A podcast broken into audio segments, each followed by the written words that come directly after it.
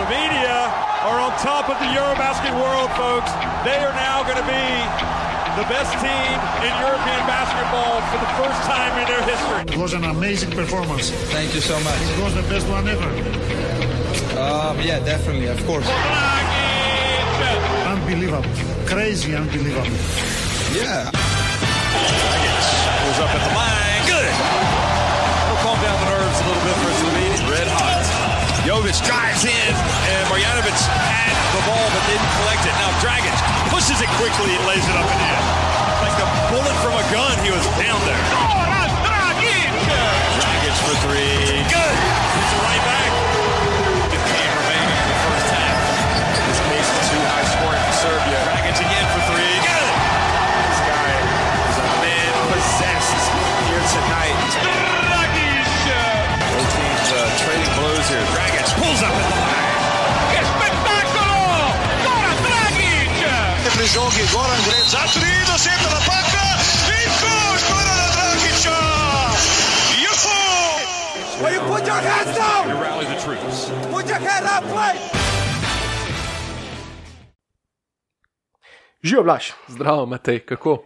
Ja, dobro, mislim, da je skrajni čas, da posnameva novo epizodo najnega podcasta o naših izjemnih eh, veslačih, eh, lokostrelcih, plesalcih, plesalkah. eh, Kegljačih, torej tistih športnikih, ki prinašajo slavo Sloveniji, ki skrbijo za to, da je ime Slovenije znano po celem svetu, za razliko od seveda tistih eh, manj znanih eh, športnikov, košarkašov, nogometašev, ki igrajo pred nekaj 50 eh, navijači v nekih no-name, neimenovanih, anonimnih klubih, nekih mehkih ligah, ki jih nobene spremlja, ne tako kot seveda vesljače, ki igrajo pred 10, 20, 30 in več tisoč ljudmi, turnirje, ki jih spremljajo milijoni ljudi po vsem svetu. Ja, dobro, si že začel z očmi zvijati, kar pomeni, da sem šalo odpeljal predaleč. Ampak, eh, ja, blaš, eh, nisem si mogel pomagati za začetek te nove epizode, da ne bi se obregnil ob tisto izjavo eh, podpredsednika Olimpijskega komiteja Slovenije, isto kačopa, da. Naši igralci, športniki v tujih klubih ne prinašajo slave Sloveniji, ki je seveda zbudila ogromno zanimanja širom slovenske športne javnosti, širom slovenske javnosti. Seveda upravičeno so se ljudje zgražali nad tem, eh, ampak ravno ta šokantna, sramotna izjava enega izmed najvišjih športnih funkcionarjev v Sloveniji eh, je dala priložnost nam, ki že leta opozarjamo na to, da so naši moštveni športi zapostavljeni, eh, naši ekipni športi zapostavljeni napram individualnim, manj popularnim, manj konkurenčnim, manj gledanim športom. In na dan so prišle neke določene številke, ki seveda nazorno kažejo, kako so recimo Olimpijski komitej, Smučarska zveza, Kajakaška zveza, Planinska zveza, Judo zveza, vse mogoče zveze, ki zastopajo športe, ki so preprosto po vseh objektivnih kriterijih manj popularni, manj gledani. Manj konkurenčni, neprimerno manj konkurenčni kot seveda tisti največji moštveni športi, ki jih ne samo igrajo na sto tisoče, na milijoni ljudi po celem svetu, s katerimi se ukvarjajo. Ja, na kitajskem je košarka drugi najbolj popularni rekreativni šport za ping-pongom. Koliko prebivalcev ima Kitajska, Blaž? Precej.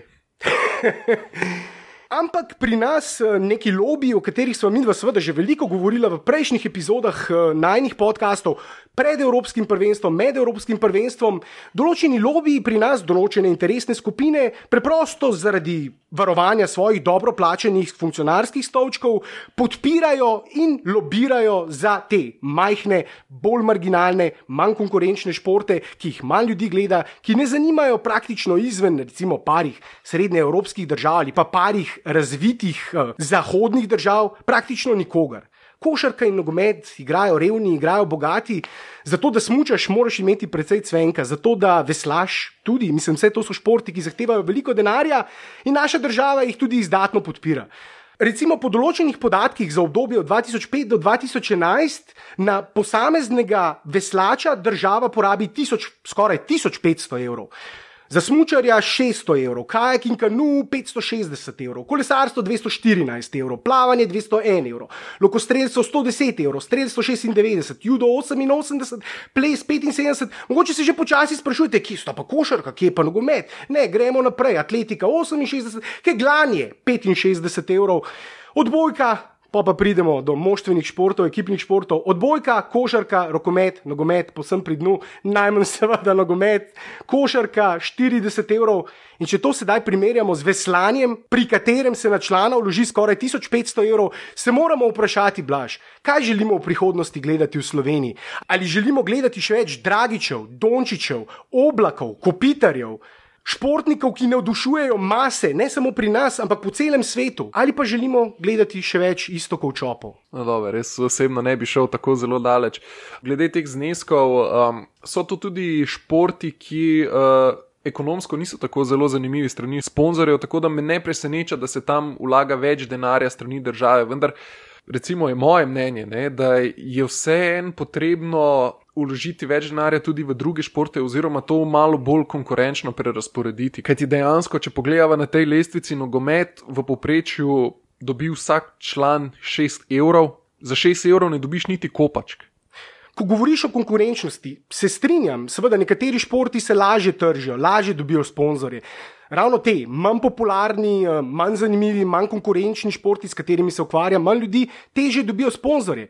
Ampak potem se je potrebno seveda vprašati, zakaj bi vlagali v športe, ki jih ne gledajo, ki jih ne spremljajo, ki niso konkurenčni, ki ne prinašajo slave Sloveniji po svetu. Če smo povsem iskreni. Za recimo takega človeka kot je Čop, je olimpijska medalja nekaj najvišjega, nekaj največjega, Za nje je recimo zlata olimpijska medalja v curlingu neprimerno več vredna kot recimo zlata medalja na Evropskem prvenstvu v košarki.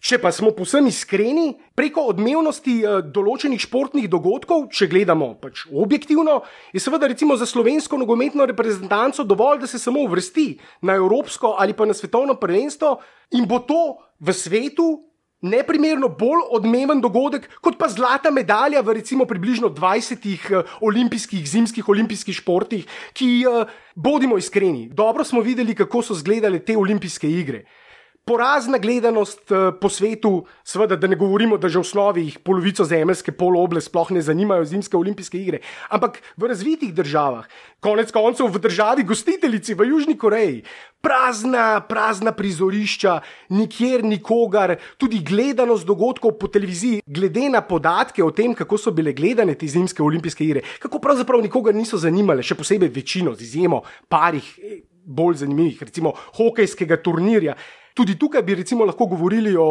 eh, NHL ligi, ki svojih igralcev ni pustila na olimpijski turnir, vendar da ne bom predolg.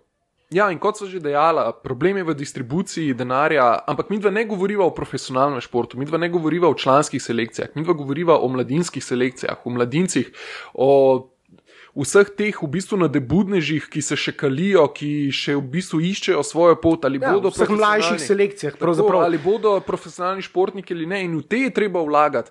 Tukaj se naredi ta glavna razlika, potem tudi za člansko reprezentanco. V končni fazi, poglejmo sedaj košarko. Zelo malo se je vlagalo v naš mladinski pogon. Kje so mlajše selekcije? Mlajše selekcije, kot po tekočem traku, izpadajo iz elitnih divizij. In uh, vprašanje je, če bomo kdaj še sploh sposobni uh, osvojiti, recimo, evropski naslov, morda samo medaljo na večjem tekmovanju kot uh, košarkarska reprezentanca, z načinom, ki je sedaj, zelo, zelo dvomim v to. Ja, v tem je problem, da recimo v razvoju enega mladega veslača država preko. Državne fundacije za šport, že spet je potem vprašanje, kako se ta denar naprej deli, koliko vzemajo funkcionarji v klubih. Že spet, večina športnikov je amaterjev, težko se preživljajo, Na drugi strani imamo pa funkcionarje, ki svoje debele riti kar lepo redijo na račun, na račun vseh teh fundacij in tega. Nekdani predsednik fundacije za šport je povedal, da pač ni problem količina denarja, problem je, kako se ta denar deli. Problem je v tem, da je v Sloveniji na stotine različnih društev, ki dobivajo ta denar, nekih čudnih papirnatih institucij, ki prejemajo državni denar in tudi recimo Olimpijski komitej Slovenije, ki od države prejme recimo skoraj milijon evrov. Eh, za plače, svoje, za plače svojih 24 zaposlenih zapravijo še več kot milijon evrov. Uh, ampak ta denar, ki ga recimo oni razdelijo potem med ogromno zvez, je seveda že spet vprašanje, po kakšnem ključu to oni naprej delijo. In ja, glavni problem v Sloveniji je način, na kateri se deli denar in že spet ne govoriva o vlaganju v profesionalne klube, ne govoriva, da bi morala država sedaj vlagati v Maribor, v uh, Olimpijo, uh, v naše največje klube. To so klubi, ki se morajo tržiti sami in ki imajo pomoč preko občin.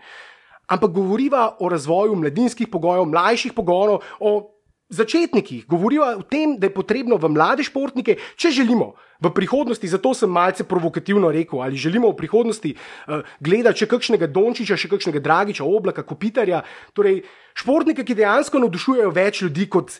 Ne želim biti tukaj želil do športnikov v individualnih športih, ker vsak športnik mora trdo delati, da pride do vrha. Ampak bodimo iskreni. Ena stvar je, če ti prideš do vrha, če ti dosežeš vrhunec v konkurenci nekaj deset, v konkurenci nekaj stotih tekmovalcev, druga stvar je pa, če dosežeš ta vrhunec v konkurenci ne nekaj tisoč. Nekaj deset tisoč, če ne celo nekaj sto tisoč ljudi, samo v tvoji, v tvoji generaciji.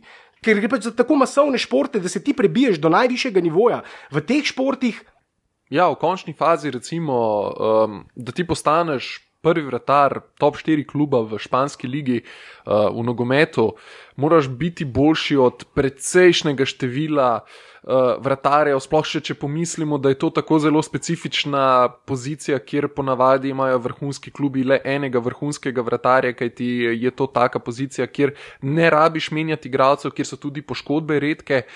Zato morda recimo pri vratarju pride talent, če toliko bolj do izraza, kot recimo mogoče v kakšnem individualnem športu, kjer je dejansko konkurenca precej omejena, v končni fazi poglejmo samo smučare skakalce, tam jih je nekje 15, morda 20, ki so res vrhunski, ki lahko dosežejo vrhunski rezultat, vse ostalo pa je potem vedno približno na enakih uh, daljavah, če lahko temu rečem, približno na enakih mestih. In dejansko ti potrebuješ premagati le 20 vrhunskih športnikov, medtem ko en nogometaš mora za to premagati verjetno tisoče. Mislim, vse, v kakšni konkurenčnosti je pravzaprav čist nesmiselno. Vsak ve, da je recimo nogomet v primerjavi z skoki neprimerno bolj konkurenčen šport. Skoki se ukvarja kaj, pet držav, štiri, pet držav na svetu, pa že spet spoštovanje do vsakega športnika. Zato, da ti uspe, da prideš, moraš delati trdo, moraš garati.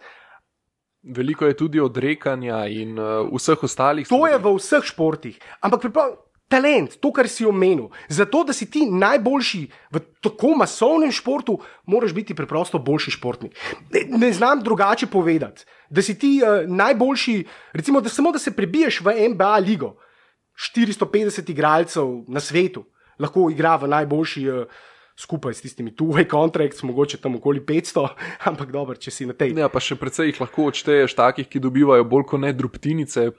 Tako je, in uh, samo da se ti prebiješ med teh 450 v konkurenci. Uh, 100 tisočih že spet, ki igrajo košarko po celem svetu. Ja, mogoče bi blaž to temo, preden greva seveda na tiste športnike, ki ne prenašajo slave Sloveniji. Zaključil s tem, dve leti nazaj je bila za najbolj perspektivno nadarjeno mlado športnico Slovenije. Zbrana neka um, plezalka, izjemno nadarjena plezalka, Janja Garnbret. Um, Boj, da je Jordan plezanja v svoji kategoriji. Ja, in v bistvu ni treba se, ajš, se ne šalijo, nisem z nobenim sarkazmom, zdaj sem začutil malo sarkazma. Ne, ne, ni bilo nobenega sarkazma. Potem se motim, ampak ja, ker dejansko pravijo, mislim, v svojem športu, v svoji kategoriji. Uh, znotraj svojega športa je uh, res izjemno nadarjena. Ampak mi imamo tudi Luko Dončiča, človeka, ki je, je najboljši mladi košarkaš na svetu, najboljši 18 let, bil je najboljši 17-letnik, bil je najboljši 16-letnik na svetu. In uh, ja, pogledal sem recimo uh, na zadnji tekmi, na zadnjem svetovnem prvenstvu, koliko um, tekmovalcev je bilo recimo v tej kategoriji, ko je Garn Brito osvojila svetovni naslov. In že spet že parkrat se to omenil, pa že spet ne želim, da bi tako kot šop, recimo, izpadel, da zaničujem nekatere druge dosežke. Ampak kar želim narediti, ali pa druge športnike, ali pa druge športe, ne, sva povedala že večkrat in zaradi tega želim že spet to poudariti, da ne bo kdo mislil, da želim uh, žaliti ali zaničevati ali pa omalaževati dosežkov drugih. Ampak to, kar pa želim narediti in To, kar je problem pri nas in to, o čemer bo zagotovo v prihodnosti še precej več govorila, da je treba imeti neke standarde in neka merila. Nek košarkaš ni isto kot nek plesalec. In pri nas dobi zveza, plesalna zveza na posameznega člana, recimo več denarja, kot hokejska zveza. In to preprosto ne more biti isto. Če nekdo v bolj konkurenčne, bolj masivne, bolj zanimive športu, od katerega ima naša država več koristi. In oprostite, gospod Čop, ampak od vas. Naša država nima niti približno take koristi kot od enega Gorana Dragiča, in vi bi lahko vašo kariero še sto let in osvajali medalje na olimpijskih igrah še sto let, in ne bi to utehtalo ene zlate medalje na Evropskem prvenstvu in odmevnosti te zlate medalje. Vsak, ki ima dostop do spleta, lahko vidi, kako odmeven dogodek v največjih športnih medijih, v Ameriki, v Južni Ameriki, celo v afriških medijih, v južnoafriških medijih, recimo je bil prispevek na televiziji o Evropskem košarkarskem prvenstvu in o Goranu Dragiču.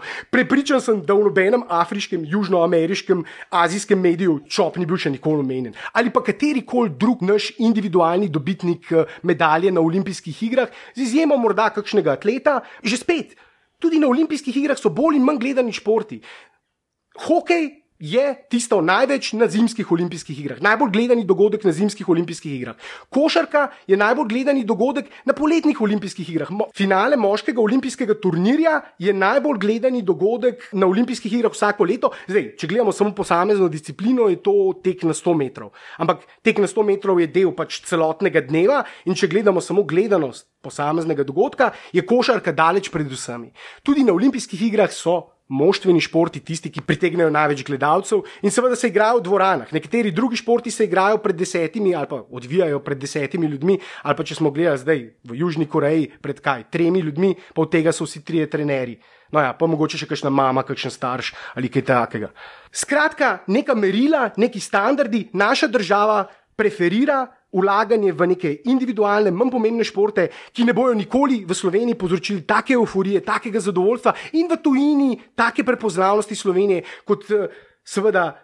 Moštveni športi, ekipni športi, kot nogomet, kot košarka, kot uh, tudi hokej, kot tudi rokomet. Ko gledamo našo nogometno reprezentanco, našo košarkarsko reprezentanco, našo rokometno ali hokejsko reprezentanco, uh, ko spremljamo ekipne športe, vedno uporabimo, če smo seveda navijač posameznega kluba ali reprezentance, rečemo, mi smo dal gol, mi smo povedali, mi zaostajamo, zmagali smo, zgubili smo, katastrofa, kako igramo slabo, kako dobro igramo. Vedno govorimo v prvi osebi množine. Ko govorimo o individualnih športih, še noben ni rekel, kako dobro smo skočili, kako dobro smo ustrelili, kako dobro smo odlaufali, ali pa le to, kako dobro smo odveslali skupaj. Nekaj odveslali smo, mater, kako smo odveslali. Nikoli ne govoriš, individualni športi so uspeh športnika, kolektivni športi so uspeh vseh nas. Preprosto, to je ta človeška filozofija in mislim, da gre to zelo globoko v našo zgodovino, ker ravno ekipni športi so tisti nadomestek oziroma približek tistih uh, starodavnih bitk. Ko sta se dve pač vojski srečali, oboroženi z bejzbolskimi kiji, no ja, ne z bejzbolskimi kiji, ne s čeladami, ščitniki in vsem mogočim, ampak z meči in vsem mogočim eh, železjem. Ekipni športi so danes najboljši približek tega. Nekateri ekipni športi, kot je rugby, kot je ameriški nogomet, so direktni približek tega. Ampak ja, in individualni športi to preprosto niso in nimajo takega efekta na ljudi, nimajo takega vpliva. Zaradi tega, če ne bomo spremenili naše finančne politike, eh, našega sistema razdeljevanja finančnih sredstev namenjenih športu, potem v prihodnosti lahko z gotovostjo trdimo, da ne bomo nikoli več eh, doživeli takega uspeha, kot je bil lanskoletni naslov uh, evropskih prvakov v košarki, največjega z naskokom, največjega uspeha v zgodovini slovenskega športa, uh, uspeha, ki mu uh, seveda noben individualni uspeh ne more niti blizu prideti, uh, ki mu vsi gledajo v hrbet. Ja, točno tako. In še enkrat bi rad podaril, da mi dva govoriva o vlaganju v mlade športnike, v razvoj mladih športnikov, ne govoriva o članskih selekcijah, ne govoriva o članih eh, v individualnih športih, govoriva za mlade, za otroke in v njih je treba vlagati. In dejansko, tako kot si rekel, treba se bo na koncu odločiti, kaj bo naša prioriteta. In uh, treba je najti formulo, kako pametno distribuirati ta denar, da bodo dejansko vsi mladi športniki, ali individualni, ali v moštvenih športih dobili tisto, kar jim pripada, da bo njihov razvoj lahko čim bolj nemoten in upamo, da na koncu bomo imeli vrhunske, tako individualne, kot tudi ekipne športnike. Ja, strinjam se, v osnovi si vsi zaslužijo več denarja, ampak eh, če bomo še naprej vlagali eh, tako, kot vlagamo, potem v prihodnosti ne bomo nikoli več imeli Dragičev, Dončičev, Oblakov, Kupitarjev, ampak bomo imeli samo čope. To je pa seveda vprašanje za širšo slovensko javnost. Koga želite gledati, kaj želite več gledati, koga želite čez 10 ali 15 let eh, gledati, spremljati na vaših televizijskih zaslonih. Čope ali Dragiče, ali Dončiče, ali Kupitarje, ali Oblake. Tako in mislim, da je skrajni čas, da na tej točki zaključiva. O tem bova sigurno spregovorila še v kakšnem izmed kasnejših podkastov, kajti to je težava, ki verjetno ne bo kar tako odšla. Um, sedaj pa res, res uh, dobro, da nekoliko spregovoriva o teh neslavnih slovenskih športnikih. Uh, Glede na to, da smo bila v tem uvodu tako zelo dolga, bova v današnjem podkastu spregovorila samo o Goranu Dragiču in Luki Dončiću, katera imata sezone podobne, kot sva midva tudi že na začetku napovedala. Goran Dragič, eh, Luka Dončić, s katerim bi ti začel? Ja, začnemo z neslavnim Dragičem in neslavnim Mijanjem. No, pa začniva potem z Miami, kot si dejal. Um, ja, od takrat, ko smo se na zadnje videli, se je zgodila ena izmed eh, teh večjih stvari. Stvar, ki sva jo midva napovedovala že pred začetkom sezone in to je, da je Goran Dragič konkuriral za All-Star ekipo, na koncu tudi prišel na tekmo vseh zvest. In to je verjetno tudi glavna stvar pri Miami, ki jo je vredno omeniti, kajti njihova igra še vedno je tam, kjer je bila. Glavna stvar pri Miami za nas je to, da je Goran postal All-Star. ja, roko na srce, igra je še vedno enaka, kot je bila takrat, ko smo govorili o njem, še vedno nihajo. Uh, morda edino omenjiva še, da se je vrnil njihov preroški sin, Dwayne Wade, se je vrnil nazaj v gnezdo. Izgubljeni sin. Izgubljeni sin, tako. Mi da bo pa seveda več uh, energije zapravljala za Gorana Dragiča in pač zgodovinski nastop slovenca na All-Star tekmi. Ja, zabavno je to, da recimo na družbenih omrežjih. Iz Floride, iz Miamija, seveda, vsi na veliko slavijo prihod Wade, medtem ko recimo na slovenskih družbenih omrežjih in uh, slovenskih, recimo, različnih forumih, pa vsi obžalujejo prihod Wade, ker seveda je to pomenilo, da se, da se je, da se bo uh, Goranova vloga zopet spremenila in ja, dejansko se tudi je. Uh, Uh, ampak ja, želel si dokončati uh, svojo misel, prost. Ja, ko že ravno omenjaš, uh, lahko tudi nekaj omenijo o tej relaciji Wade Dragič, uh, kako se bo zdaj ponovno spremenila vloga Dragiča, kot si tudi že sam omenjal. In uh, lahko tudi nekoliko pogledamo naprej, kakšne so dejansko možnosti Miami. Nekaj malega tekem je še do konca. Uh, Um, Miami si je končnico verjetno, da bo zagotovil, razen če bo na koncu na teh zadnjih tekmah prišlo do popolnega razpada sistema, to da na to je vprašanje, kaj se bo dogajalo v končnici. In morda lahko besedo ali dve spregovorijo ravno o tem, kakšne so sploh možnosti Miamija in Ja, o možnostih Miami bo seveda spregovorila nekaj besed, ampak omenil si recimo Goranov premjerni eh, All-Star nastop, eh, ki smo ga mi dva napovedala že na začetku sezone. Namreč eh, povsem jasno je bilo, da je Goran na Eurobasketu bil v življenjski formi. Goran Dragič na letošnjem Eurobasketu je bil najboljši Goran Dragič v karieri. Celo boljši je bil tistega Gorana Dragiča recimo v sezoni 13-14, ko je postal All-NBA. In ja, boljši je bil tudi uh, od tega Gorana Dragiča, ki ga v Mijanju spremljamo to sezono, ampak seveda tukaj je za to vprašanje, um, koliko na Goranovo igro v letošnji sezoni vpliva drugačna vloga, spremenjena vloga v ekipi. Imajo namreč veliko število zunanjih igralcev, ki si morajo deliti žogo. Zdaj, eh, lahko je pa seveda tudi posledica izjemno dolge sezone. Eh, namreč, če gledamo od eh, začetka septembra, je na Eurobasketu odigral 9 tekem, če ne štejemo, seveda prijateljskih tekem, in potem mislim, da zdaj v sezoni 62, če se ne motim, se pravi že preko, oziroma preko več kot 70 tekem je že odigral.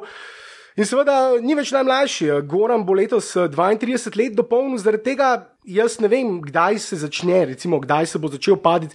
Regeneracija, recimo, je seveda že pri njemu teža, seveda potrebuje več časa, več fizičnih priprav, da se pripravi na tekmo kot prej, ampak jaz kašnega paca v njegovi eksplozivnosti, hitrosti ne opažam še. Opažam to, da ga recimo včasih zmanjka v zadnji četrtini, odvisno od tega, kako igra, predvsem zaradi tega, ker Miami je obrambna ekipa, kjer eh, je najprej obramba in šele potem napad in tudi to je recimo ena stvar, ki seveda vpliva na eh, statistiko igralca oziroma na njegovo vlogo. Namreč kar velja izpostaviti in zaradi česar si Goran res zasluži čestitke za letošnjo sezono oziroma za letošnji All-Star nastop, je namreč to, da vsi vemo, da je on recimo najboljši ravno v tranziciji, v hitri igri, v hitri pace and space igri, kjer imaš prostor, kjer si obkrožen streljci in imaš prostor za prodore, oziroma ne rabiš preigrati dveh ali treh igralcev v prodoru, ampak samo enega ali kvečem dva, kar recimo Goranu ne predstavlja toliko težav, kot pa mu jih seveda, če se celotna obramba zgosti v raketi. In Goran v Miamiju pogosto, oziroma skoraj vedno igra proti tej zgoščeni obrambi v raketi, ker igrajo na postavljeno obrambo. In vse ekipe vedo, kako, oziroma kaj morajo najprej zaustaviti, če zaustavljajo Dragiča, to so njegovi prodori, ne samo njegovi, celotna igra Miamija. Tudi bazira, oziroma eden izmed elementov je ta njihov drive and kick igra. Čeprav so letos, recimo lansko leto, so bili dosti bolj odvisni od tega, letos imajo pa veliko predaj žoge, hand-off action, ko center predaja na bloku na nailu, torej na vrhu rakete, eh, predaja žogo ali pa na vrhu trojke predaja žogo eh, in potem po tej predaji igralec prodira in seveda išče ali v prodoru išče streljce na zunanjih položajih ali morda odigra pick and roll z tem centrom, ki mu je predal žogo. Hand-off eh, podaje oziroma predaje žoge so letos tam 60%. 65-70% Miami je igre, saj po občutku, zelo težko je seveda tako oceniti, ampak ja, to je velik del njihove igre in vprašanje je seveda, koliko tudi ta sistem, stil igre uh, vpliva na Goranovo statistiko, ker ta je v letošnji sezoni roko na srce. Uh, Ja, slabša kot lansko leto in recimo tudi to seveda daje še dodatno vrednost njegovemu nastopu na All Star, ker namreč Miami je ena izmed najpočasnejših ekip v ligi. In to je tisto, kar sem omenil. V Phoenix Sunsih je on postal All-NBA igralec, torej eden izmed šestih najboljših branilcev v ligi. Uh, All-NBA je mimo grede uh, še precej teže dosegljiv uh, dosežek. Manj All-NBA igralcev je, podeljuje se nagrada, se podeljuje šele po koncu sezone, kot pa All-Star. Recimo, Kris Bosch je tak primer igralca, ki je bil enajstkrat v karieri All-Star, ampak samo enkrat All-NBA.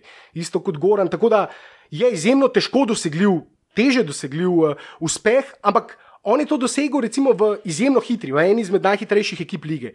Letos je All-Star postal v eni od najpočasnejših ekip lige. In to je tisto, zaradi česar si res zasluži skrajne čestitke, ampak.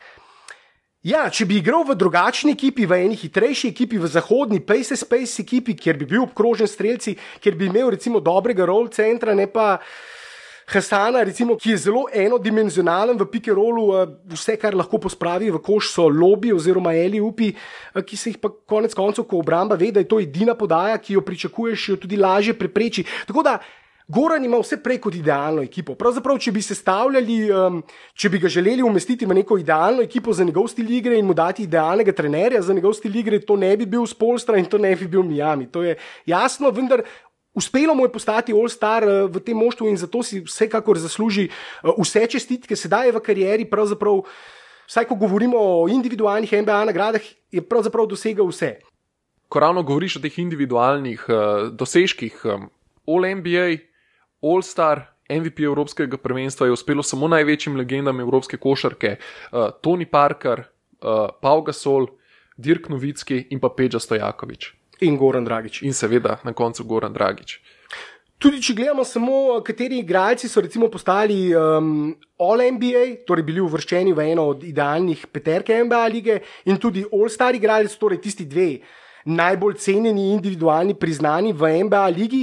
Če gledamo samo, kateri evropski igralci so to postali, že spet uh, dobimo res tisto peščico najboljših, uh, največjih evropskih legend.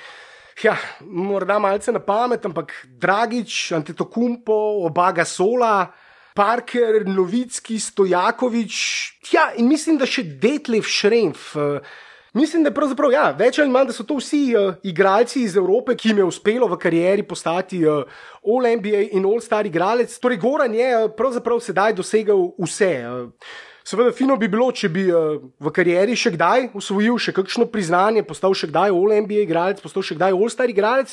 Ampak ja, tukaj pa zdaj tisto vprašanje, ki so ga pa že prej nakazali.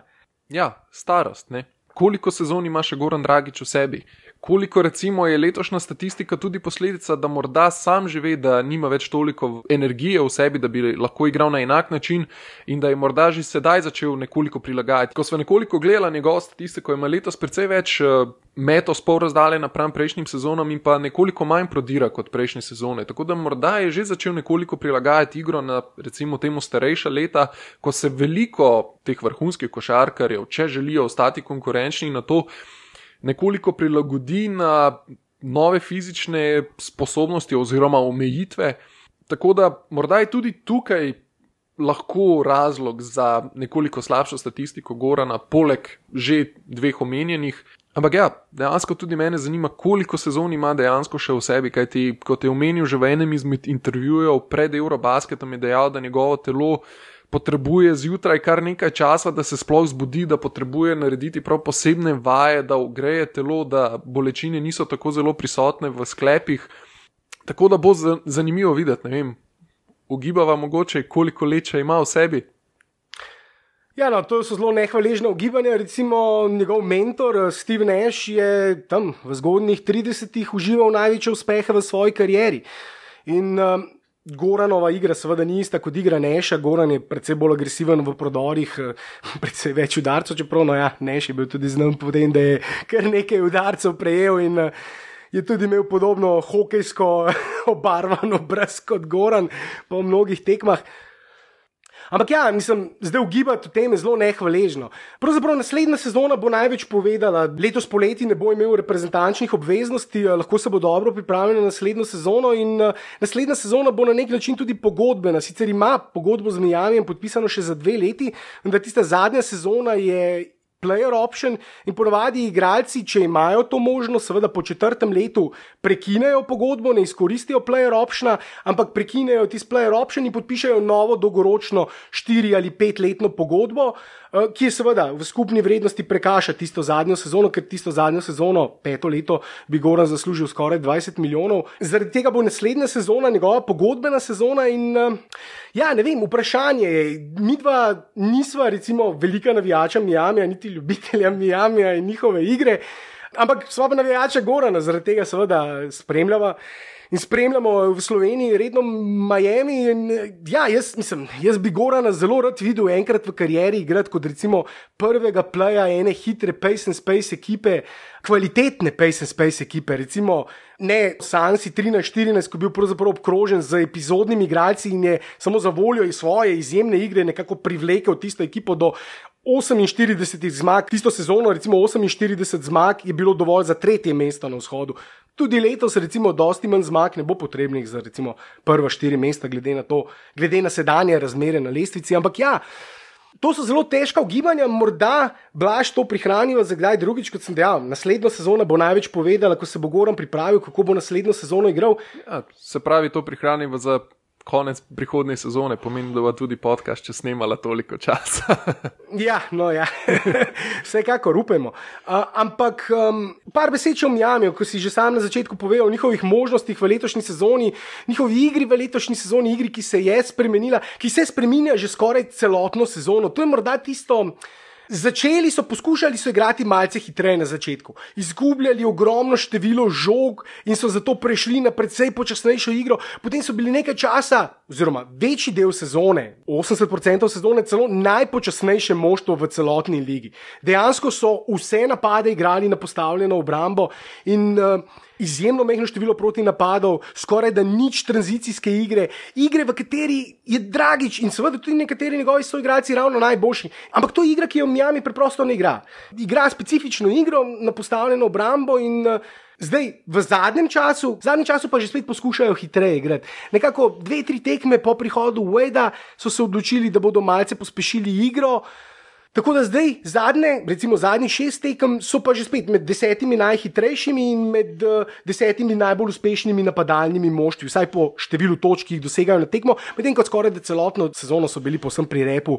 Pri moštvih po številu doseženih točk na tekmo. Ja, in uh, če se morda dotaknemo v končnici po vsej verjetnosti bojo, kot smo že omenili na začetku, bi mogli priti do kardinalnega razpada sistema. Kakšne recimo ti vidiš možnosti za končnico? Sam osebno mislim, da bo za drugi krok končnice zelo, zelo težko, kajti po vsej verjetnosti bodo tam na sedmem, osmem mestu pričakala jih bosta Toronto, Boston. In osebno, glede na to, kako se da igrajo, ne vidi možnosti, da bi lahko preskočili tako Boston kot tudi Toronto. Seveda, če bosta te dve ekipi na nivoju. Ja, Boston so letos že dvakrat premagali, če se ne motim, in obakrat precej gladko.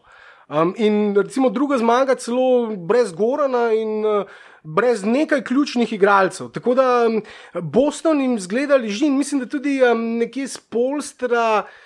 Ima Breda Stevensa, ki je za me med tremi najboljšimi trenerji v ligi in boljši trener v ligi, in kot navijač Gorana Dragiča bi zelo rad videl, recimo, če bi Goran takrat, ko je odšel v Miami, na mesto Miami, recimo zahteval menjav v Boston in če bi odšel v Boston, ker v Bostonu sem ja, skoraj da pripričan, da bi bil že dvakrat All-Star. Preprosto zaradi tega, ker uh, Brad Stevens uh, zna bolje prilagoditi igro um, svojemu najboljšemu igralcu, se mi zdi, da uh, napadalnega.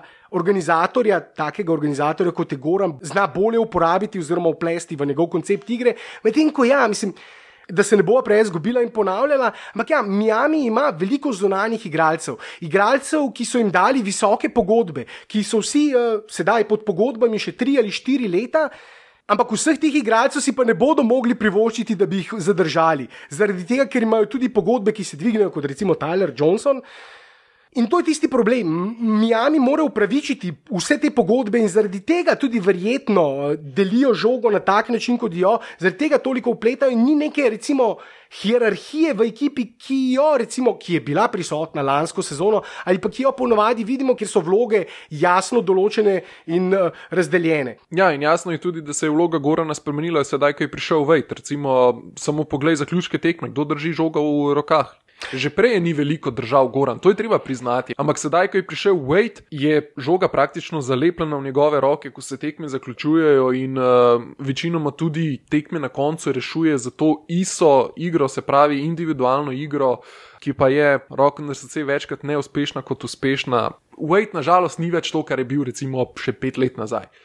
Ja, ali pa dve leti nazaj, eh, ko je igral končnico, ko sta skupaj z Goranom pač igrala končnico, takrat prvi krok Šarlo, drugi krok Toronto, eh, sedem tekem in uh, Pravzaprav, recimo, tisto sezono bi verjetno, če ne bi se jim oba centra, no ja, takrat so ostali brez Boša, vemo, ampak ostali so tudi brez Whitesida, potem v polfinalu uh, vzhodne konference. In uh, to je bilo verjetno tisto, kar je pretehtalo na koncu in zaradi česar so tudi izgubili, uh, ker niso imeli zadnjo tekmo, sedmo tekmo, je recimo Winslow začel na položaju centra, 201 ali 202 cm ima. Tako da je takrat sta v končnici relativno dobro igrala skupaj. Ampak, ja, tako kot si omenil, to, ta weight ni isti weight. In ta weight je recimo precej slabši, ampak njegov stil igre se ni pa povsem nič spremenil. Tako kot si omenil, izolacija in meti s pol razdalje je v bistvu um, način, na katerega Miami rešuje večino, oziroma skoraj da vse. Izključno na tak način rešuje situacije v zaključku tekem, in uh, to preprosto ni recept za uspeh. Tudi številke to potrjujejo. En zmagovalni met je zadev Wade, ampak vrgel jih je, mislim, da že pet ali šest, in na koncu jih bo verjetno vrgel 15, tako recimo, dvomim, da bo še enega letos zadev, ali morda še enega, ampak vrgel jih bo pa na koncu 20, 30 in uh, no ja, 20 toliko tekem toliko ni še do konca. Ni, če bi ja. bilo 30 tekem do konca in če bi bilo 30 izenačenih tekem, potem bi jih vrgel 30. Namreč, recimo, usage rate v zadnji četrtini, ko govoriš o tej drastični razliki v zadnji četrtini, to najbolje kaže usage rate, ki je recimo v zadnji četrtini Goranu po prihodu Wade padel za skoraj 10 odstotkov. Iz približno 24 mu je padel na približno 15 odstotkov porabljenih akcij v napadu in to je seveda drastična razlika v primerjavi s prej, ker tudi prej ni imel Goran. Izključno žoge na koncu, res je, žoge so si delili, včasih je imel Goran, včasih ne, ker tudi ta usage rate potrjuje. Prej je v zadnjih četrtinah bil med tremi igralci, eh, ki so imeli največji usage rate. Sedaj je padel na, samo v zadnjih četrtinah na deveto mesto med vsemi igralci Miami. Če je tvoj najboljši igralec v zadnjih četrtinah tako izoliran, tako. Um, Neuporabljen, neizkoriščen, potem preprosto ne verjamem v uspeh take ekipe, ampak kot si dejal, v končnico bodo prišli. Ti si rekel, Boston in Toronto ne premagljiva. Jaz mislim, da recimo Boston je premagljiv. Ampak že spet, vse bo odvisno od tega, kako uh, se bo moštvo v vseh teh spremembah, o katerih smo že govorili, v stilu igre Miami, v letošnji, z recimo hitre igre na počasno igro, na hitro igro. Na to vplivajo, recimo, roko na srce, tudi poškodbe. Tudi letos, tako kot lansko sezono, je Miami imel ogromno težav s poškodbami nosilcev. In preprosto, konstantno se menjajo eh, prve peterke. Vsako drugo tekmo, dejansko, Miami je moštvo, ki je letos zamenjalo največje število prvih peterk. Je tudi uh, drugo moštvo po številu zamujenih oziroma izpuščenih minut njihovih igralcev za voljo poškodb. Tako da Miami je po vseh objektivnih merilih zopet med najbolj poškodovanimi moštvi v ligi in tudi to je recimo delno vpliva. Že spet na statistiko posameznih igralcev, na, na vlogo posameznih igralcev. In res je, ja, skoraj da je težko ocenjevati, ker preprosto ob vseh teh spremembah in tudi nihanjih, ne samo nihanjih v igri Gora na Dragi, če se sprašvala, seveda nihanjih v igri Miami, tudi o tem sva govorila. Tudi oni znajo recimo premagati najboljše moštvo, znajo premagati recimo Toronto, ki je premagal Houston, najboljše moštvo Zahoda, zdaj dva, tri dni nazaj. V recimo temu derbiju najboljših moštev vzhodne in zahodne konference, znajo premagati Toronto, znajo premagati Boston, ampak znajo pa izgubiti tudi proti najslabšemu moštvu vzhoda in najslabšemu moštvu zahoda. Izgubili so proti Orlandu, ko je bil Orlando najslabši na vzhodu, izgubili so proti Sacramentu, ko je bil Sacramento najslabši na, na zahodu. Ja, in ravno zaradi teh nihanj je verjetno bolj. Uh... Bolj težko napovedati, kaj več. Sam osebno vseeno mislim, da Boston in Toronto boste težko premagljiva, ampak spet, to je neka stvar, ki je v NBA-ju že stara znanka in to je, da ko se začne končnica, se sezona začne na novo. V končnici so se dogajala presenečenja, večinoma ekipe dvignejo svoj nivo, predvsem obramba se dvigne in recimo tukaj je nekaj, pri čemer Miami blesti. Miami je že sedaj zelo dobro obrambno moštvo in v končnici, če še nekoliko dvignejo ta nivo, ki je že sedaj zelo visok, lahko povzročili veliko sivih las, marsikateri na papirju boljši ekipi. Tako da bomo videli, uh, vsekakor pa če se Miami ne uspe prebiti v drugi krok končnice, bo to zelo hud udarec za Rajlija, kajti uh, ob tako zelo dragi ekipi, da ne vidiš niti drugega kroga končnice, mislim, da je to precej še neuspeh. Miami je letos četrta najdražje moštvo lige. Govorimo o vseh pogodbah, seveda v NBA ligi imaš cap in potem dovoljene prekoračitve tega capa ker gre za tako imenovani me, mehak soft cap, eh, ki eh, za razliko od recimo NHL, ki ima hard cap, kjer ne moreš v nobenem primeru prekoračiti tega capa. To v NBA ligi lahko narediš pod določenimi pogoji in zaradi tega recimo lahko prekoračijo in ne bodo plačali tako visokega davka na luksus kot morda neka druga ekipa.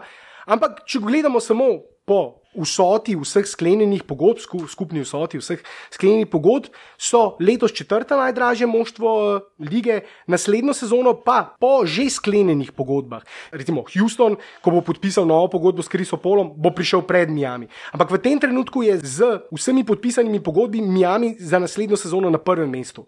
In tudi na koncu, ko bodo podpisali vse pogodbe, ostala moštva bo tretji ali četrti, že spet, morda v najslabšem primeru peti, po skupni vsoti sklenjenih pogodb vseh igralcev. In izpad v prvem krogu bi za tako moštvo bil. Um, Ja, ne bom rekel katastrofa, ampak bi bil razočaranje, bi bil manj od uh, začrtanih ciljev na začetku sezone in bi pomenil, uh, po mojem mnenju, uh, konkretno uh, Um, rekonstrukcijo moštva. Tako, konkretno rekonstrukcijo oziroma prenovitev moštva, ker preprosto tako dragega moštva nima smisla zadržati skupaj, če ne konkurirajo, recimo, vsaj za vrh, oziroma za finale konference. In uh, za konec, če govoriva recimo o potencijalnih parih na vzhodu. Ja, na vzhodu in na zahodu, v obeh konferencah, uh, so moštva tako skupaj, recimo tam na vzhodu, od Od tretjega do osmega mesta moštva ločijo le tri zmage, praktično tri zmage, oziroma tri porazi. Eh, situacija je tako zapletena, moštva so tako skupaj, eh, da kakšne napovedi o potencijalnih parih je zelo težko delati. Vse, kar je jasno, je, da bosta Toronto in Boston na prvih dveh mestih, čeprav Boston ima. Velike težave v zadnjem tednu s poškodbami, vedno več igralcev, tudi pri njih poškodovanih, in tudi oni igrajo v zadnjem obdobju, že pred temi poškodbami, precej slabše, ampak sedem zmag prednosti imajo, do konca je pa ja, 15 tekem, recimo približno. In, uh, To pomeni, da bi res morali imeti katastrofalen zaključek sezone, ampak ob takem zaključku sezone, potem seveda, tudi če bi ostali na drugem mestu ali pa padli na tretje mesto, ne bi bili favoriti v prvem krogu. In Boston se meni zdi premagljiv, tako bom rekel. Vsaj v tem trenutku Boston se mi zdi premagljiv, Toronto se mi ne zdi, Cleveland uh, s playoff Lebronom. Playoff Lebron je uh, še vedno z naskokom najboljši igralec NBA lige, vsaj lanski playoff Lebron. Ko je prestopil v tisto višjo predstavo, v tisto višjo predstavo, eh, dve predstavi više, če smo realni, smo videli, da gre še vedno, kot če so bile, recimo, v rednem delu lanske sezone še debate, ali je Lebron še najboljši igralec lige ali ne. Potem v končnici ni pustil nobenega dvoma več, z naskokom najboljši igralec lige je bil v celotni končnici. In uh, če bo Lebron že spet to storil v letošnji sezoni, zdaj tudi pri njemu lahko začnemo isto debato kot pri Goranu. Str, on je pa še leto in pol, dve leti starejši in uh, že spet fizična, prodorna igra, ampak gre za.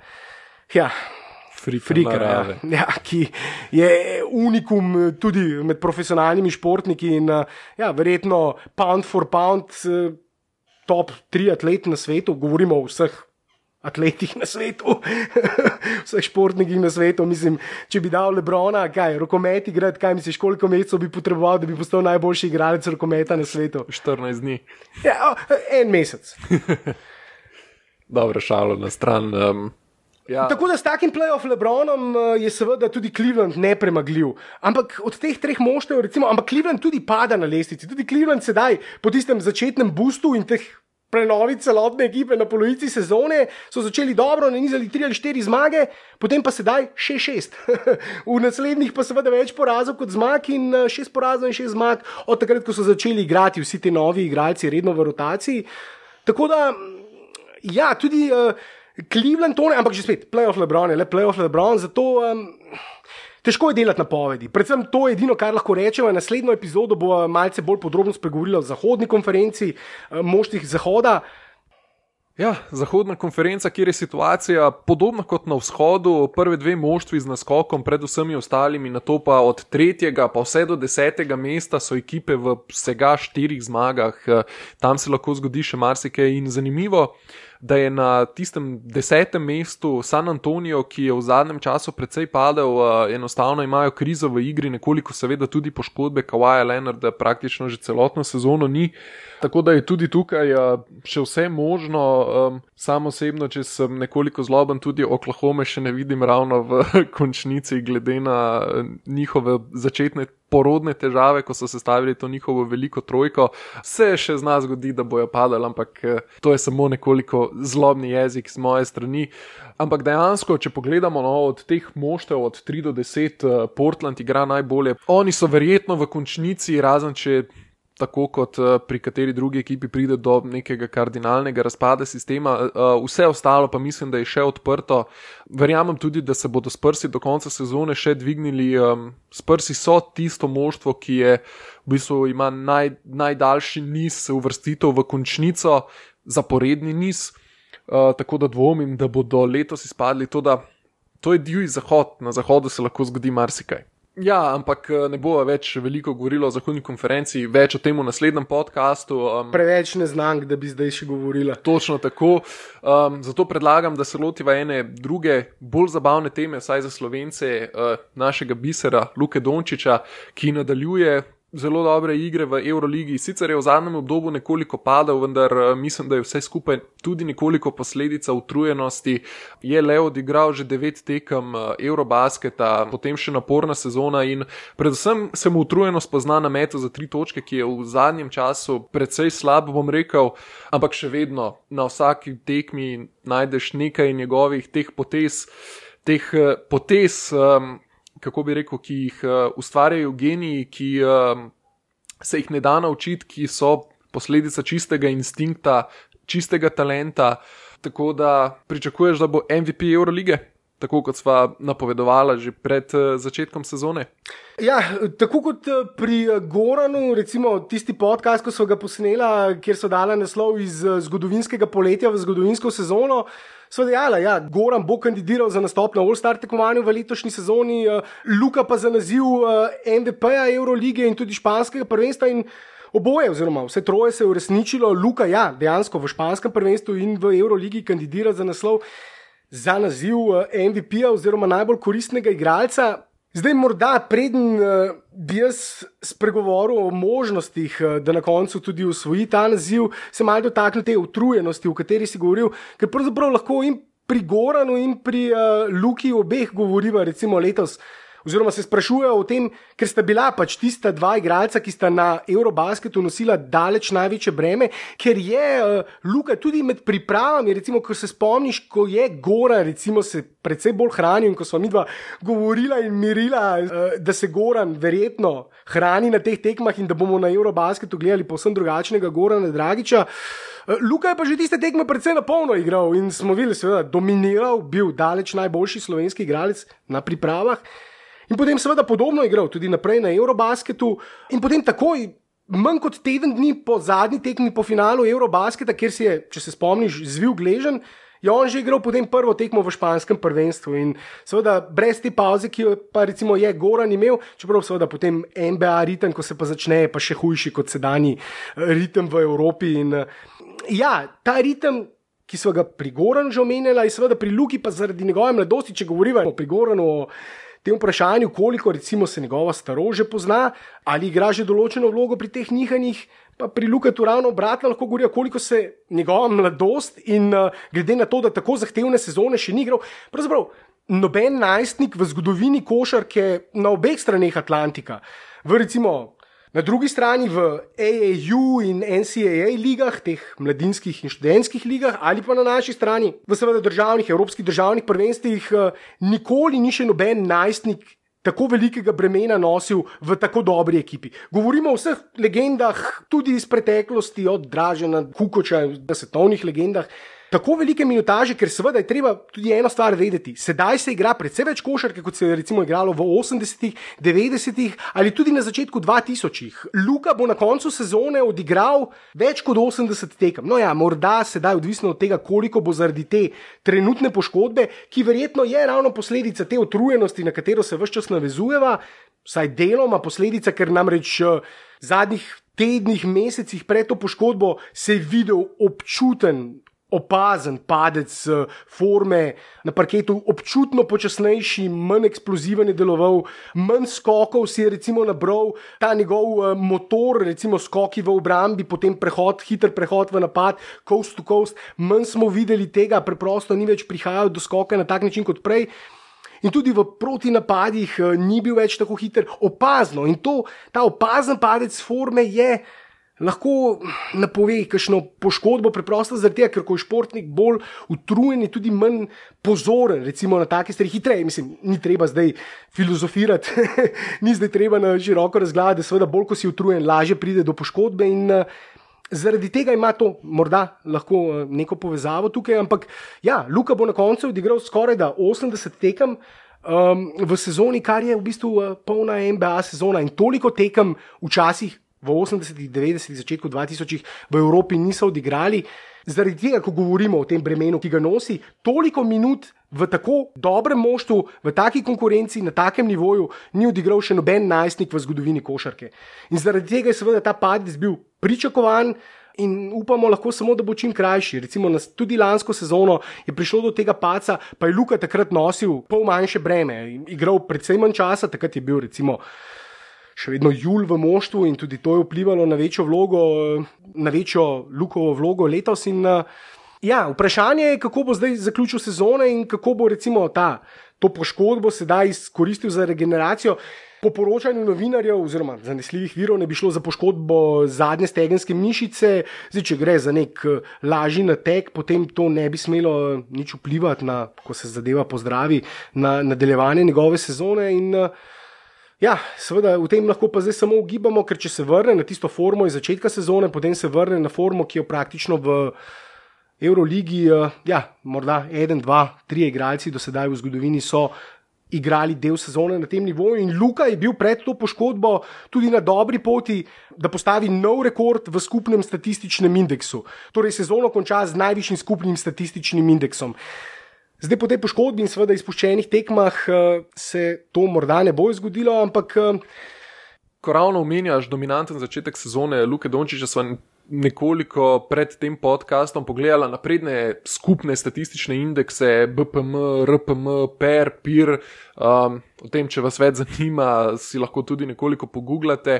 Uh, skratka, gre za napredne metode ocenjevanja, kako dobro igra igralec tako v napadu kot v obrambi. In uh, Luka Dončić ima indekse po vseh teh štirih kategorijah, še vedno daleč najviše, pred vsemi ostalimi evropskimi košarkarji. In to samo kaže, za kakšnega igralca gre in kako zelo pomemben je tudi ta igralec za Real. Kaj ti, ko imaš igralca, ki je v bistvu najboljši v vseh teh statističnih eh, kategorijah. Eh, naprednih statističnih kategorijah uh, in ga imaš v svojem moštvu, si dejansko igre brez njega ne moreš niti predstavljati. Tako da uh, Luka bo zelo pomemben za Real, tudi v zaključku sezone, tudi uh, če se uvrstijo na finalni eh, turnir četverice v Euroligi in potem uh, bo na tistih tekmah moral pokazati to, kar kaže sedaj. Uh, ampak recimo, če se spomnimo lansko sezono, ga je ravno takrat potem zmanjkalo. Ne? Sedaj bomo videli, kaj bo letošnjo sezono. Ne?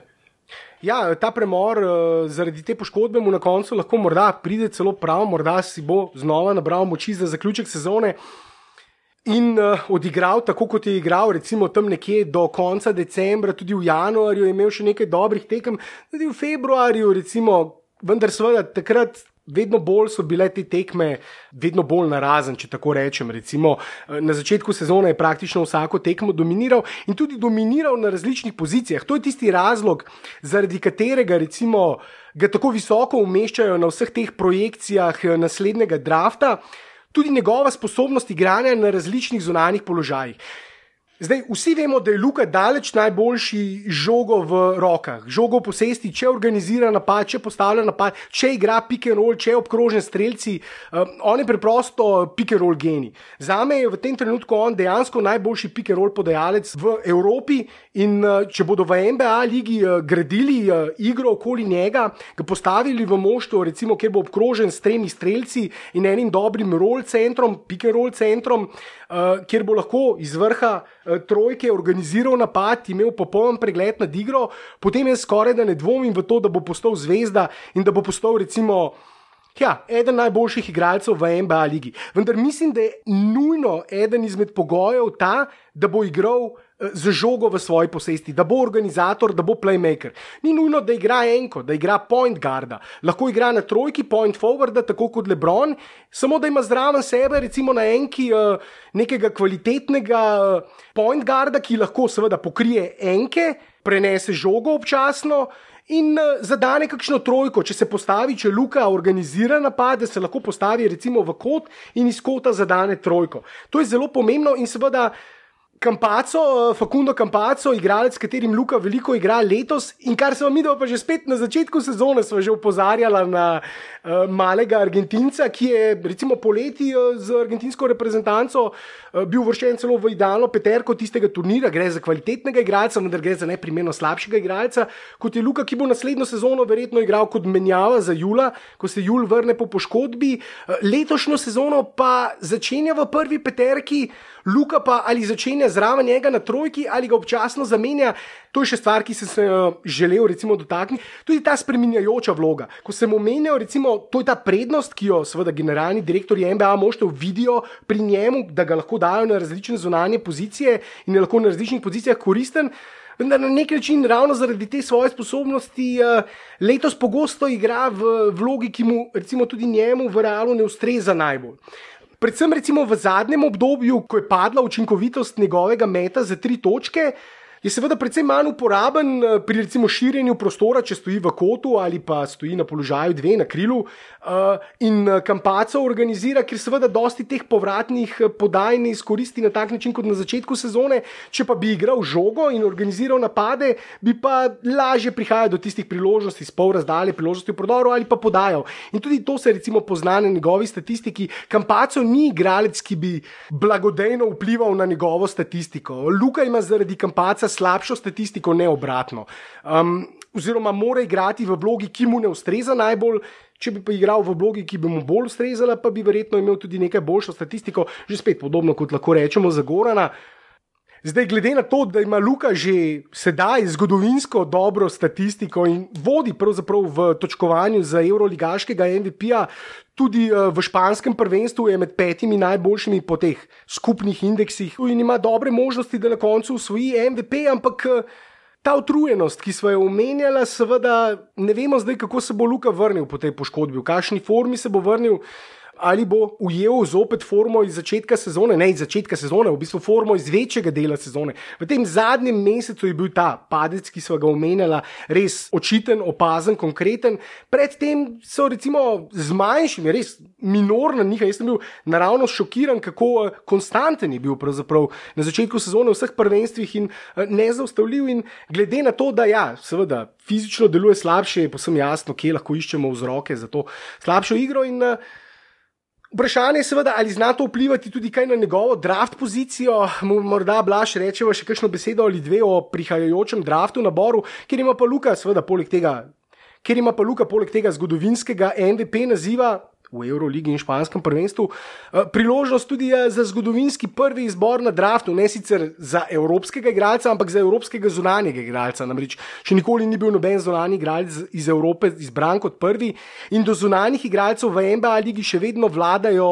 Um, Predsotki, precejšnji predsotki, ki jih je tudi eh, Goran deležen, in eh, to vidimo skoraj da vsako tekmo, glede na porazno, katastrofalno in ja, na trenutke celo sramotno sojenje, ki ga je občasno deležen Goran, ampak eh, ja, ne bova zdaj te tedne načela, v tej temi so tudi eh, že veliko povedala, ampak. eh, Ja, morda tudi v Evropi, recimo, sem bil letos parkrat presenečen, da Luko ne ščitijo tako, kot bi ga morda lahko ščitili, glede na to, za kakšnega zvezdnika v teh evropskih okvirjih že gre.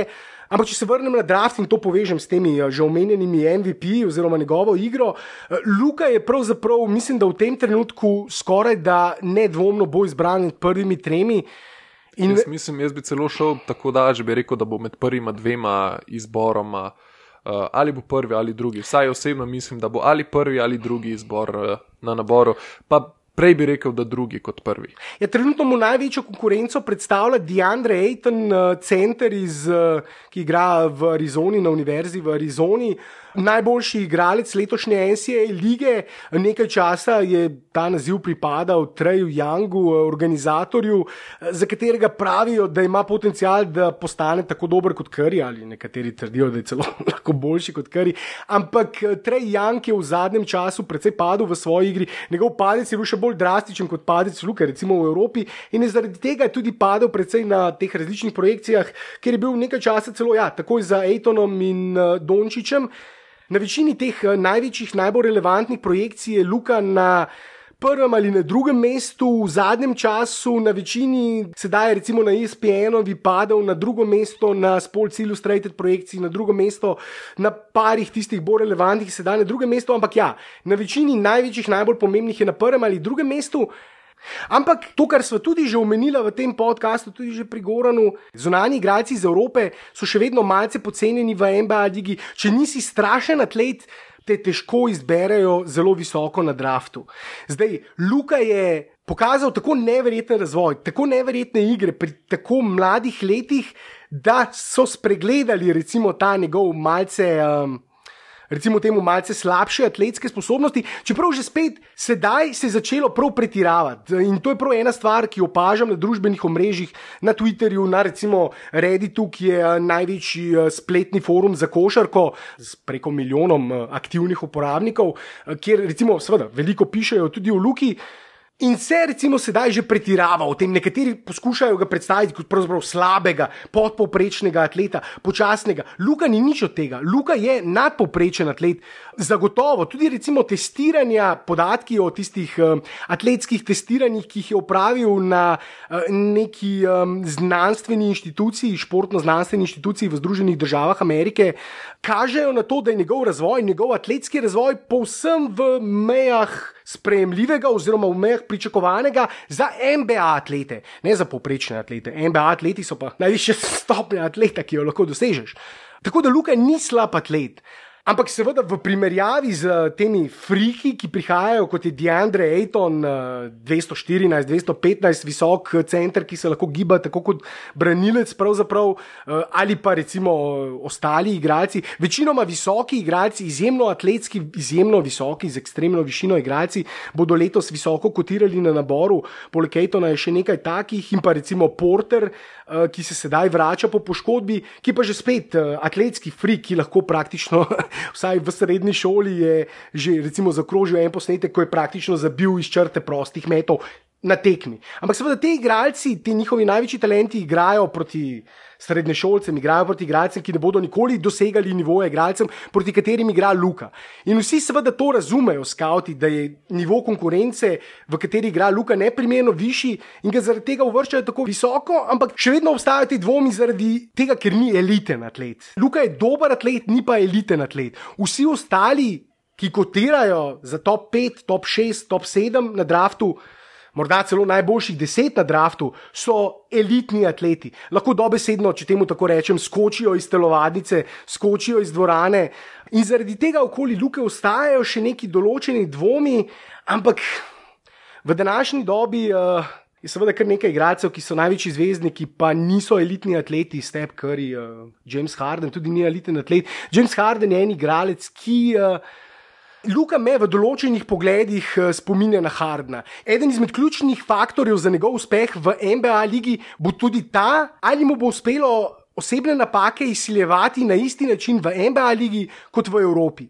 To pa je veliko vprašanje, ker je seveda sojenje v NBA ligi tudi pod velikim vplivom zvezdniških imen. In če bo Luka v NBA ligi deležen istega sojenja kot Goran, potem se zelo bojim za Luko. Ker resnično čudno je, no? čudno je, kako lahko igralcu, ki prodira tako kot Goran, ki je recimo med drugimi, tretjimi, konstantno, vsa leta v karieri, recimo med petimi najbolj prodornimi igralci lige vendar pa ima manj prostih metov kot ostalih 20 ali 25 igralcev, ki je po številu prodorov za njim. In seveda manj prostih metov kot vsi, ki so pred njim. To so, ja, take številke, ko vidiš, koliko prodira, kako agresivno igra, kako malo prostih metov dobi, je seveda vprašanje, ki si ga moramo zastaviti, tudi kako bodo sodniki tretirali Luko. Ja, in bo seveda na Luki, da prisili sodnike, da mu bodo piskali osebne napake. Sam se popolnoma strinjam s tabo. Um, Ampak hkrati pa tudi razumem uh, generalne direktorje lige NBA, zakaj uh, preferirajo te elitne atlete, kajti to je ena izmed stvari, ki so ti položene v zipko, uh, če lahko uporabim tak mal lepši izraz. Uh, tehniko lahko igralca naučiš, lahko ga naučiš uh, lepega izmeta, lahko ga naučiš uh, podajati. Elitnih atletskih sposobnosti pa ne moreš naučiti uh, igralca. Lahko nekaj s treningi dodaš, ampak naučiti pa tega ne moreš. In ravno zaradi tega je liga bila več časa podvržena temu, tudi kot si dejal. Niso at elitni atleti, pa so superzvezdniki lige NBA. In jaz ne dvomim, da Luka s svojim načinom igre, s svojim pregledom nad igro, s svojimi individualnimi sposobnostmi, ki so že sedaj vrhunske, bo temu še nekaj dodal in verjamem, da v roku petih let, da bomo govorili o slovenskem superzvezdniku v Ligi NBA. Ja, ki mu je bilo, ko govoriš o stvareh, ki so položene v zipko, ki so prirojene, Luki pa je, govoriš o atletskih sposobnostih, Luki je prirojena košarka. Je bila košarka položena v zipko, takega pregleda, kot ga ima Luka, ga ne moreš naučiti. Poleg tega, ko govorimo o atletiki, mislim, da velja omeniti, da je Luka izjemno mečan že sedaj za svojo, za svojo starost in ena izmed stvari, ki pa se da precej izboljšati, je ravno ta moč. Jaz mislim, da, kot sem že dejal, zato, da bo Luka postal superzvezdnik, so potrebne, je potrebno par stvari. To, da bo imel žogo v rokah, da bo organiziral, da bo izboljšal še moč. Harden ni super eksploziven, ampak je izjemno močan. Harden je kot tank v prodorih. On stegne roke, njemu ne moreš izbiti žoge. Vse, kar lahko narediš, je, da ga rahlo po žogi udariš ali po roki. Doskrat mu seveda piskajo osebne tudi po žogi, ampak on ima specifično tehniko in je izjemno močan. Uh, In Luka bo moral biti izjemno močan, in tako kot Harden, moral bo imeti učinkoviti step back. Imel ga je na začetku sezone v karieri, že pokazal, da ima lahko zelo učinkovit step back, učinkovito step back trojko, ker če bo vedno obstala nevarnost, da zdane step back trojko, bo imel tudi v prodoru več časa. Te tri stvari so najbolj pomembne. In mislim, da kakršni koli dvomi ali pa vprašanja o atletiki in vse tem, če bodo te tri pogoji izpolnjeni, bo Luka super zvezda, ne glede na to, če ni najbolj eksploziven, če nima najhitrejšega prvega koraka, če ni najboljši v obrambi, tudi tukaj bo lahko recimo predvsej nadomestil z skokom v obrambi, kjer je pa že spet odličen. Mislim, da smo zajela čisto vse, kar smo si zadala za ta podcast, mogoče celo še pre, sva povedala preveč, kot smo mislila. Si prepričan, jaz gledam sedaj na. Na en seznam tem eh, topik, ki so jih želela obdelati, sicer rekla sva reprezentanca, ampak to bova naslednjič prehranila za naslednji podcast, tudi uh, malce podrobnejši pregled vzhodne in zahodne konference. Več bova povedala o Houstonu, Golden Stateu, Torontu na vzhodu, naslednjič njihovih možnostih, tudi Clevelandu, seveda. In pa seveda kmalo uh, bova tudi kakšno nogometno epizodo posnela, ki sva jo obljubljala, ki sva jo napovedovala že na začetku, kot sem dejal. Časa je zmanjkalo, ampak upava, da od sedaj naprej in ob tej priložnosti seveda lahko se zahvaliva tudi za vsa. Popraševanja, prijazne besede, ki ste nam jih um, pošiljali v tem umestnem času. Uh, tako da um, upam, da čakanje ni bilo za manj, ta epizoda bila zanimiva in vredna poslušanja. Morda, Blaž, če lahko omeniš še tiste formalne stvari, Ja, prosila bi vas, če lahko všečkate ta video na YouTubu, če poslušate preko YouTuba in se pač naročite na najen kanal. Um, to je vse zaradi rangiranja tega podcasta, da več ljudi lahko sliši, kar smo imeli zapovedati. Upava, da smo bila dovolj zanimiva, da bi ljudje želeli sploh to slišati. Ne, dobro Um, in pa vprašanje. seveda tudi obiščite naju na Facebook strani NBA Slovenija, vedno nove objave glede lige NBA.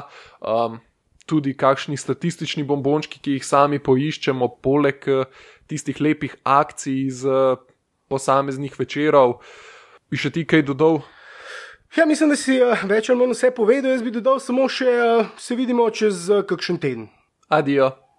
Will you put your hands down? You rally the troops. Put your head up, play.